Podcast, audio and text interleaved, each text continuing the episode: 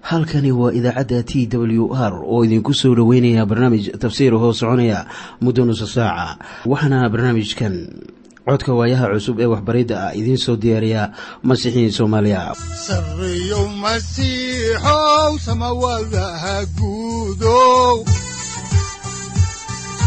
Siraadkii adduunkow subanaha eebow sareyow masiixow samawadaha guudow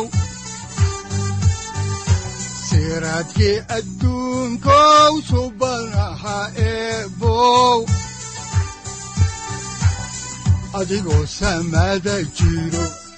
soo saldhiganba ifkan soo saldhiganba kutubtiisanaye sifahaaga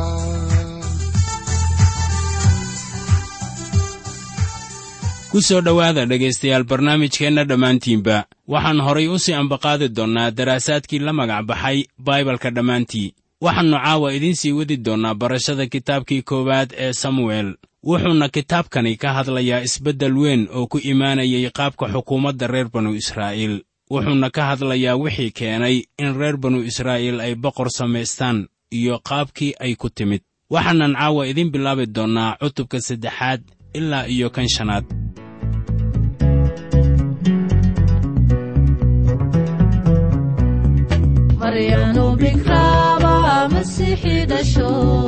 markaasaa la yaabo mucjisay iyadoo rag moogbay malaa'ig salaanto markaasay uruudu mucjisay ahayd markii noogu dambaysay waxaannu soo gebagabaynay cutubka labaad iyo weliba habaar ku dhacay gurigii ceeli oo ahaa wadaadkii sare ee reer banu israa'iil. Intaannu samuel xilka qaadan. Waxaa soo dhammaanaya wakhtiyadii xaakinnada oo kol dambe ilaah dadka u soo diri maayo wadaaddada wuxuuna kicinayaa nebi wadaad ah. Samuel wuxuu howl u qabanayaa sayidka laakiin shaqadiisu waxay noqonaysaa nebinimada. Waana samuel kan caleemo saaraya boqorka oo saliidda ku kordaadinaya. Weliba isagaa boqray labadii boqor ee israa'iil ee kala ahaa boqor saa'uul iyo boqor daa'uud. Ilaah si toos ah ula hadli maayo boqor laakiin wuxuu la hadlayaa nebi. Waxaa caawa xigashada kitaabku ay ku bilaabanaysaa kitaabka samuel cutubka saddexaad aayadda koowaad ee baalka saddex boqol siddeed iyo afartan ee axdigii hore waxaana qoran sida tan. Oo yarkii samuel ahaana wuxuu rabbiga uga adeegi jiray ceelii hortiisa oo wakhtigaasna erayga rabbiga wax aan marar badan la helin buu ahaa oo muuqasho bayaan ahna lama muujin. Waxaan doonayaa inaad maanka ku haysaan erayga yarkii waxaa nin qoraa ah oo yuhuudi ah oo noolaa laba kun oo sannadood ka hor uu yidhi samuel wuxuu jiray laba-iyo toban sannadood markii ilaah uu u yeedhay haddaba samuel wuxuu ahaa wiil dhallinyaro ah oo dhowr iyo toban jir ah oo wuxuu ilaah ugu hor adeegi jiray ceelay hortiisa. Markaana waa caddahay in wiil yar oo afar jir ah aannu ilaah howl u qaban karin ama aannu ka hor adeegi karin teendhada shirka aayaddu waxay leedahay oo wakhtigaasna erayga rabbigu wax aan marar badan la helin buu ahaa ama wuxuu ahaaba macduun.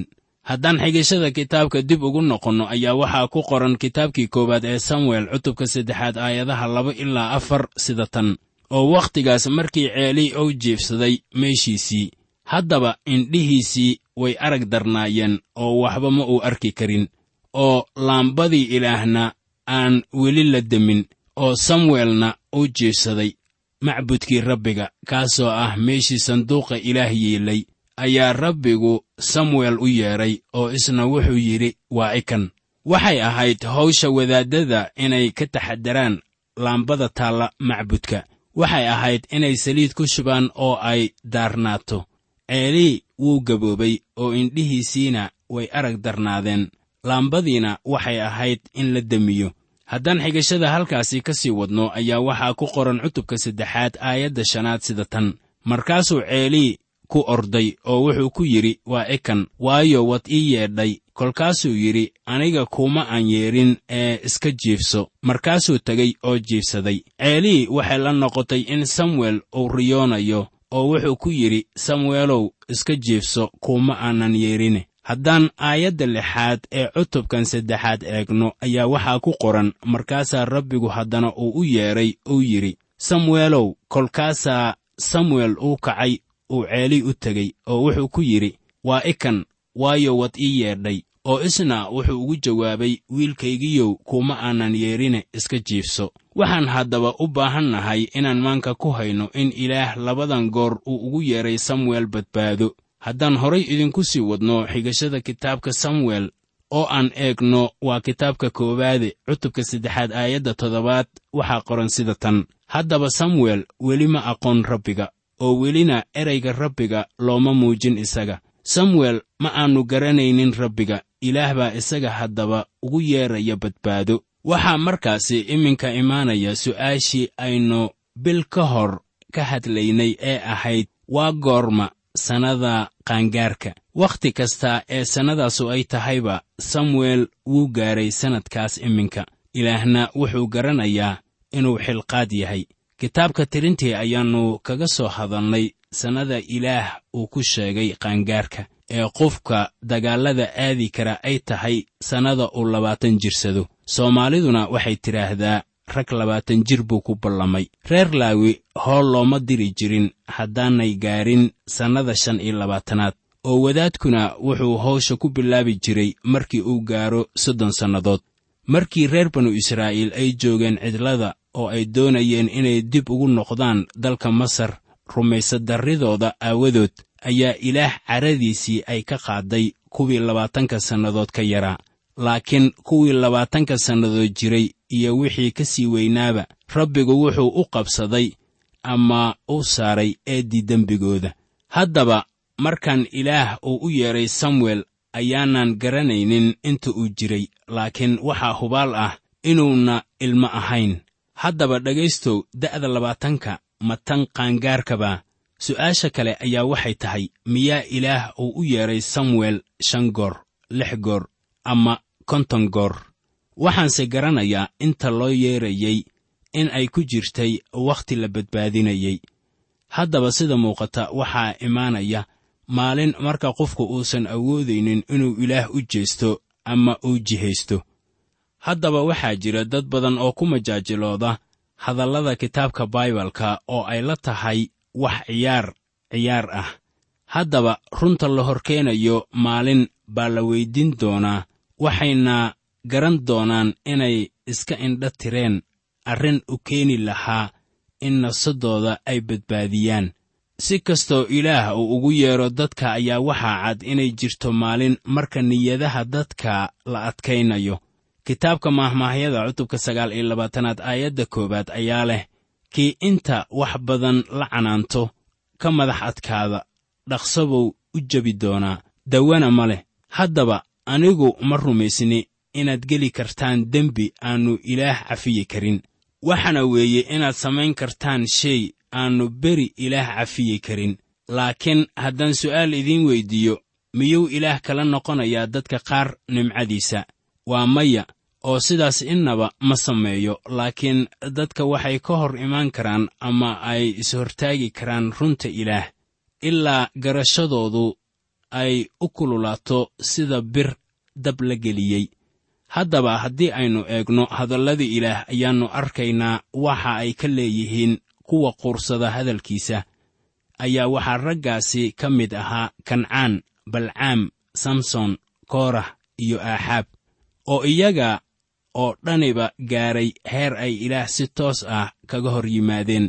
Waxaan kaloo ku aragnay kitaabka falimaha rasuullada cutubka afar iyo labaatanaad aayadda shan iyo labaatanaad sida qoran in felikos oo ahaa guddoomiyihii kaysariya oo bawlos la hor keenay ayaa laga qoray inuu yidhi oo intuu kala hadlayey xaqnimada iyo iscelinta iyo xukunka imaanaya ayaa felikos u cabsaday uu u jawaabay oo uu ku yidhi haatan iska tag oo markaan wakhti wanaagsan helo ayaan kuu yeedhan doonaa boqor agriba oo marti u ahaa festos ayaa isna la hor keenay bawlos oo markii farriinta lagala hadlayna wuxuu ku jawaabay sida ku qoran kitaabka falimaha rasuullada cutubka lix iyo labaatanaad aayadda siddeed iyo labaatanaad. Waxaana qoran sida tan markaasaa agriba wuxuu bawlos ku yidhi wax yar baad igu oggolaysiinaysaa inaan masiixi noqdo waxaan kaloo garanaynaa labadii tuug ee la qodbanaa masiixa in mid la badbaadiyey kan kalena uu gaari waayey heerkii badbaadada markii masiixu uu ku qodbanaa iskutallaabta haddaba waxaannu dib ugu soo noqonaynaa kitaabkii koowaad ee samuel cutubka saddexaad. Waxaanan eegaynaa aayadaha siddeed ilaa toban waxaana qoran sida tan.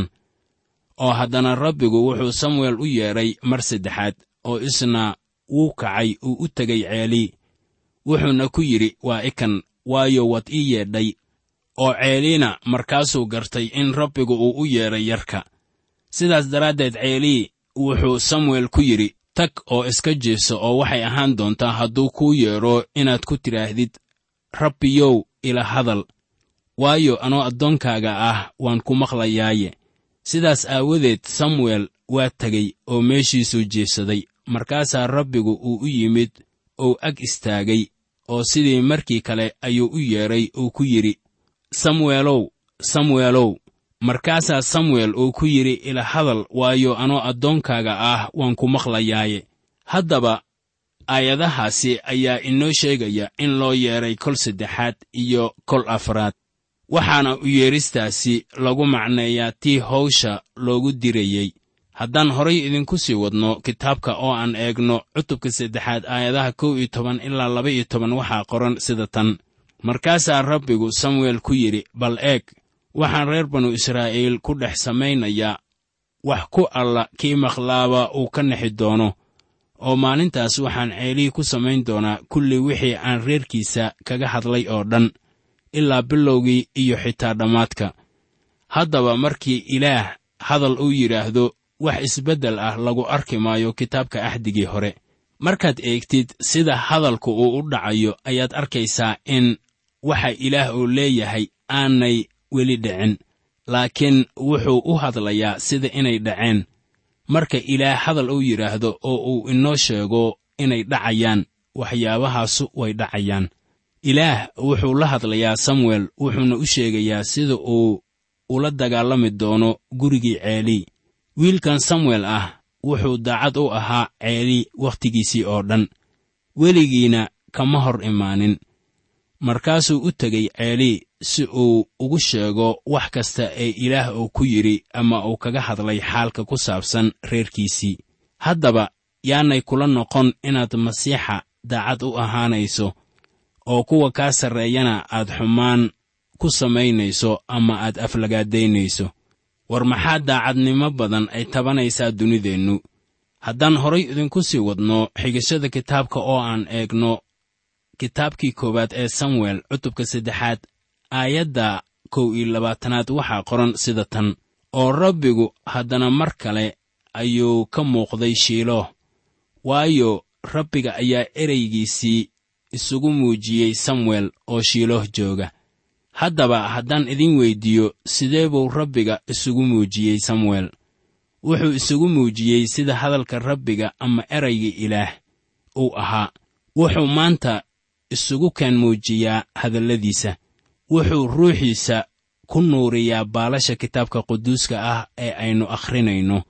Taasina waa sida aniga iyo adiga aynu ku garan karno oo aynu daa'iman u ogaan karno inuu jiro ilaah haddaan cutubkii saddexaad oo aan idin dul marnay halkaasi ku soo ekayno ayaannu iminkana si dawaale ah idinku bilaabaynaa cutubka afraad ee kitaabkii samuel oo mawduuciisuna uu yahay xukunkii ku dhacay ceeli iyo wiilashiisa oo waxyiga ahaa oo la soo kaamilay markaana israa'iil oo aan la tashanin samuel ayaa waxay aadeen dagaal ay la soo dirirayaan reer falastiin waxaana taasoo ay keentay in laga soo adkaado dabeetana.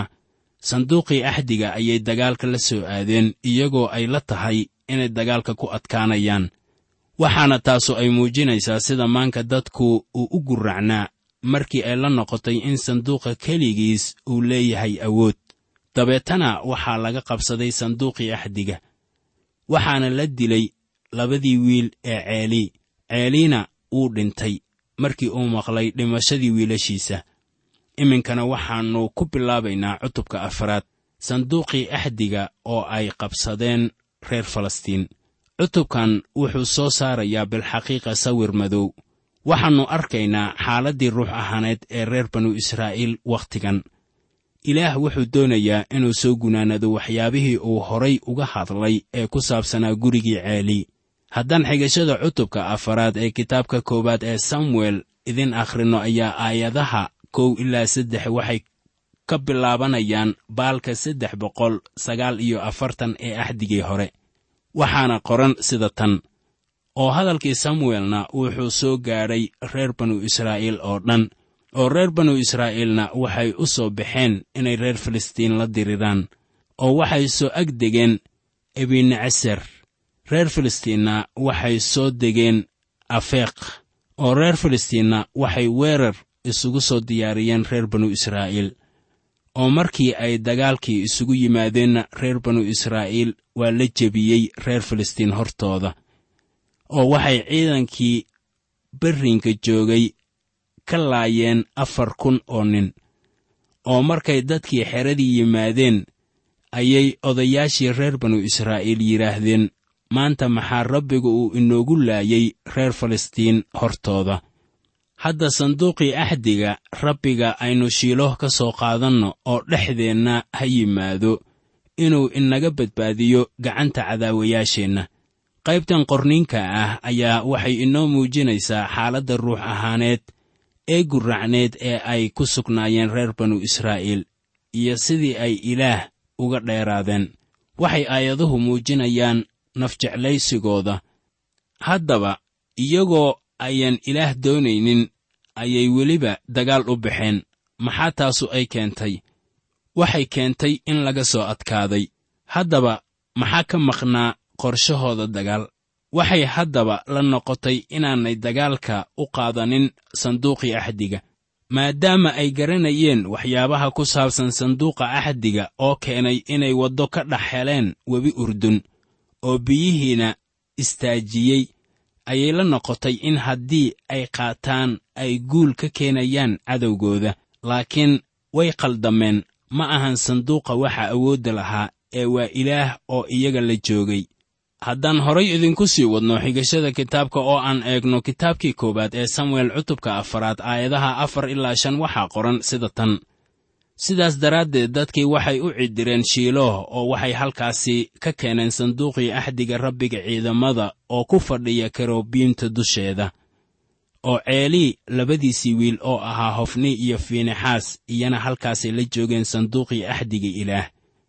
Oo markii sanduuqii axdiga rabbiga uu soo galay xeradii ayaa reer banu israa'iil oo dhammu waxay ku qayliyeen qaylo weyn oo dhulka haddana la sanqadhay israa'iil waxay haatan aadday dagaal waxay soo qaateen sanduuqii axdiga ee yaallay shiilooh maadaama hofni iyo fiinexaas ay ahaayeen niman wadaadda ah oo dadka ku dhex nool ayaa iyana ay samaynayaan waxa dadka uu doonayo. Markii sanduuqii axdiga la keenay dhulka xeradii reer banu israa'iil ayaa reer banu israa'iil ay ku daba fayleen waxay la noqotay inay horumar iyo guul ay helayaan laakiin wixii ay samaynayeen ma ahayn wax ilaah raalli uu ka yahay. Haddaan horay idinku sii wadno xigashada kitaabka oo aan eegno cutubka afaraad aayadaha lix ilaa siddeed waxaa qoran sida tan. Oo reer falastiinna markay maqleen dhawaaqii kaylada ayay yidhaahdeen dhawaaqa kaylada weyn ee xeradii cibraaniyadii ka baxaya micnihiisu waa maxay markaasay garteen inuu sanduuqii rabbigu xeradii dhex yimid oo reer falastiinna way cabsadeen oo waxay yidhaahdeen ilaah baa xeradii soo galay oo haddana waxay yidhaahdeen hoog baa inagu dhacay waayo hadda ka hor waxaan oo kale lama arag hoog baa inagu dhacaye bal yaa inaga samata bixin doona ilaahyadan xoogga weyn gacantooda kuwanu waa ilaahyadii masriyiinta ku laayey cidlada ee ku soo daayey balaayooyin ceen kasta ah. Haddaba reer falastiin way garteen in sanduuqii axdiga uu soo galay xeradii reer banu israa'iil. Way baqeen oo waxay isku yidhaahdeen ilaah baa soo galay xeradii reer banu israa'iil. Iyaga sanduuqa axdiga wuxuu ula mid ahaa sida sanam. Waxaanay taasu muujinaysaa in reer banu israa'iil ay ahaayeen kuwa xagga maanka ka qasan oo jaahiliin ah inkastoo ay maqleen awoodda ilaah haddana war uma hayaan ilaaha runta ah ee baaqiga ah. Waxaan iminka soo gaarnay maaddada ah dhimashadii ceelii iyo ammaanta ilaah oo ka tegaysa reer banu israa'iil. Reer falastiin iyo reer banu israa'iil way dagaalameen. Dagaalkiina waxaa lagu jibiyey reer banu israa'iil. Waxaana reer banu israa'iil laga laayay dad badan oo waxaa la qabsaday sanduuqii axdiga wiilashii ceelii oo kala ahaa hofni iyo fiinexaas waa la dilay. Haddaan horay idinku sii wadno xigashada kitaabka koowaad ee samuel cutubka afaraad aayadaha laba iyo toban ilaa saddex iyo toban waxaa qoran sida tan. Oo ciidankii waxaa ka orday nin reer benyamiin ah oo isla maalintiiba wuxuu yimid shiilooh isagoo dharkiisu u jeexjeexan yahay oo madaxana ciid ku leh. Oo markuu yimid bal eeg ceelii wuxuu ku fadhiyey kursigiisii waddada dhankeeda yiilay isagoo wax fiirinaya. Waayo qalbigiisu wuxuu u dhibbanaa sanduuqii ilaah aawadii. Oo markii ninkii uu soo galay magaaladii oo uu u warramay ayaa magaaladii oo dhammu ay qaylisay. Odagii ceelii ahaa oo qaldaad badan horay loogu soo oogay wuxuu ahaa wadaadka sare wuxuuna ka welwelsanaa sanduuqii ilaah. Haddaan horay idinku sii wadno xigashada oo aan eegno kitaabkii koowaad ee samuel cutubka afaraad aayadaha afar iyo toban ilaa lix iyo toban waxaa qoran sida tan. Oo ceeliina markuu maqlay dhawaaqii qaylada ayuu yidhi buuqansa waxankiisu waa maxay micnihiisu markaasaa ninkii intuu soo dhaqsaday ayuu ceelii u yimid uu u warramay. Ceeliina wuxuu jiray siddeed iyo sagaashan sannadood oo indhihiisuna dembay ahaayeen oo waxba ma uu arki karin.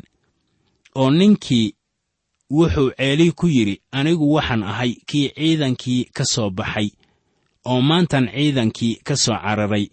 Markaasuu yidhi wiilkaygiiyow sidee bay xaaladdu u dhacday markii akhbaarkii xumaa ee dagaalka iyo jabkii reer banu israa'iil uu magaalada soo gaaray ayaa qaylo iyo sawaxan iyo baroor laysku daray. Ceeli oo ahaa nin da'weyn oo indhala ayaa wuxuu dadka weyddiiyey sababta ay sidaasi u yeeleen. Haddaan horay idinku sii wadno xigashada kitaabka oo aan eegno cutubka afaraad aayadaha toddoba iyo toban ilaa siddeed iyo toban waxaa qoran sida tan. Oo kii warka keenay waa jawaabay oo uu yidhi reer banu israa'iil way ka carareen reer filistiin oo dad badan baa la laayay oo labadaadii wiil oo ahaa hofni iyo fiinexaasna way dhinteen oo sanduuqii ilaahna waa la qaatay oo markuu sanduuqii ilaah wax uga sheegay ayuu ceelii dib uga dhacay kursigiisii iridda ag yiilay markaasuu qoorta ka jabay uu dhintay waayo wuxuu ahaa nin da'weyn oo culus oo wuxuu reer banu israa'iil xukumi jiray afartan sannadood. Ninkan ceelii ah wax ficil ah ma muujinin markii loo sheegay dhimashadii wiilashiisii. Laakiin markii uu ogaaday in sanduuqii axdiga la qabsaday ayuu gadaalgadaal u dhacay oo uu dhintay.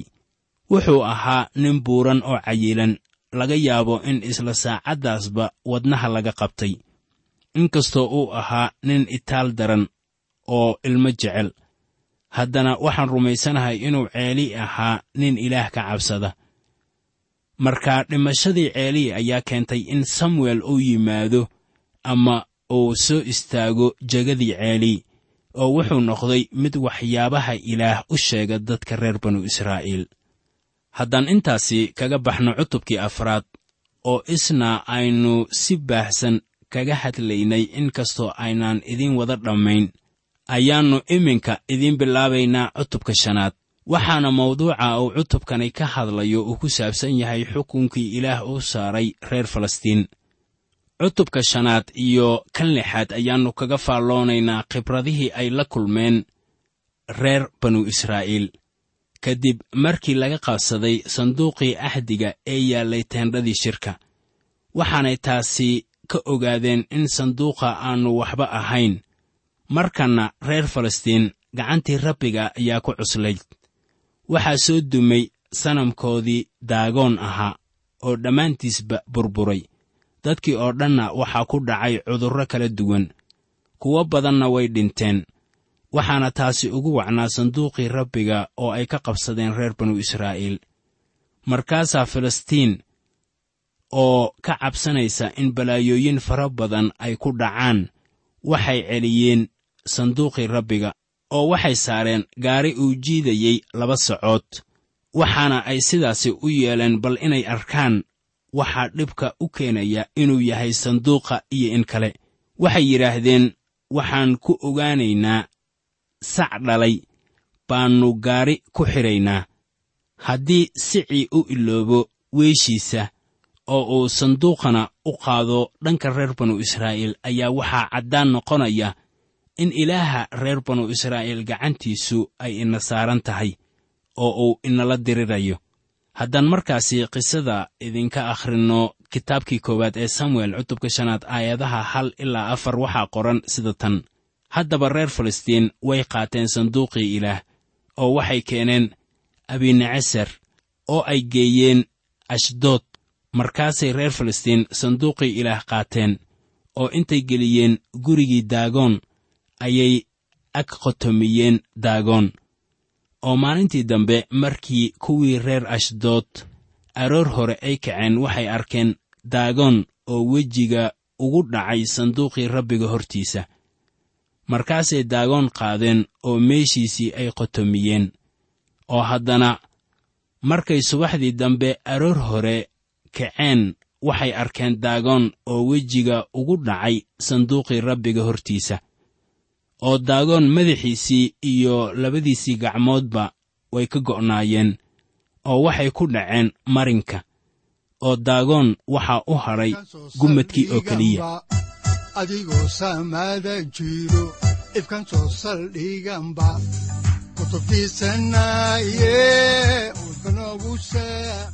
halkani waa t w r idaacadda t w r oo idinku leh ilaa ha idin barakeeyo oo ha idinku anfaco wixii aad caawi ka maqasheen barnaamijka.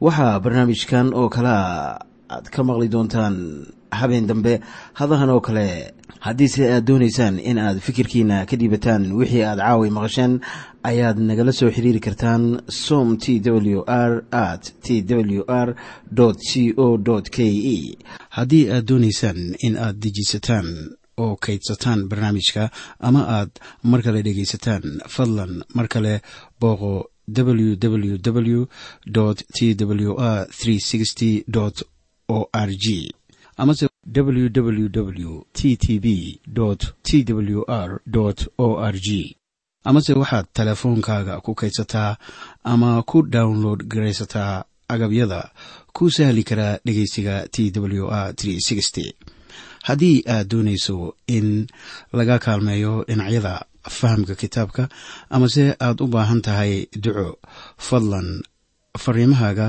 soo mari bogga aaraahda ama kommentska inana jawaab degdeg ah ayaanu ku soo diri doonaa amase ku siin doonaaye sarreyow masiixow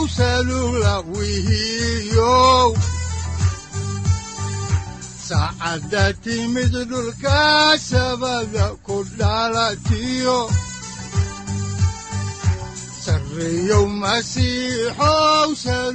halkani waa t w r oo idiin rajaynaya habeen baraare iyo barwaaqaba leh. Inta aynu ka gaari doono wakhti aynu ku kulanno barnaamij la mida kan caawayay aad maqasheen. Waxa aan idinku leeyahay nabadda ciise masiix ha idinku badato xagga jidhka iyo ruuxaba. Aamiin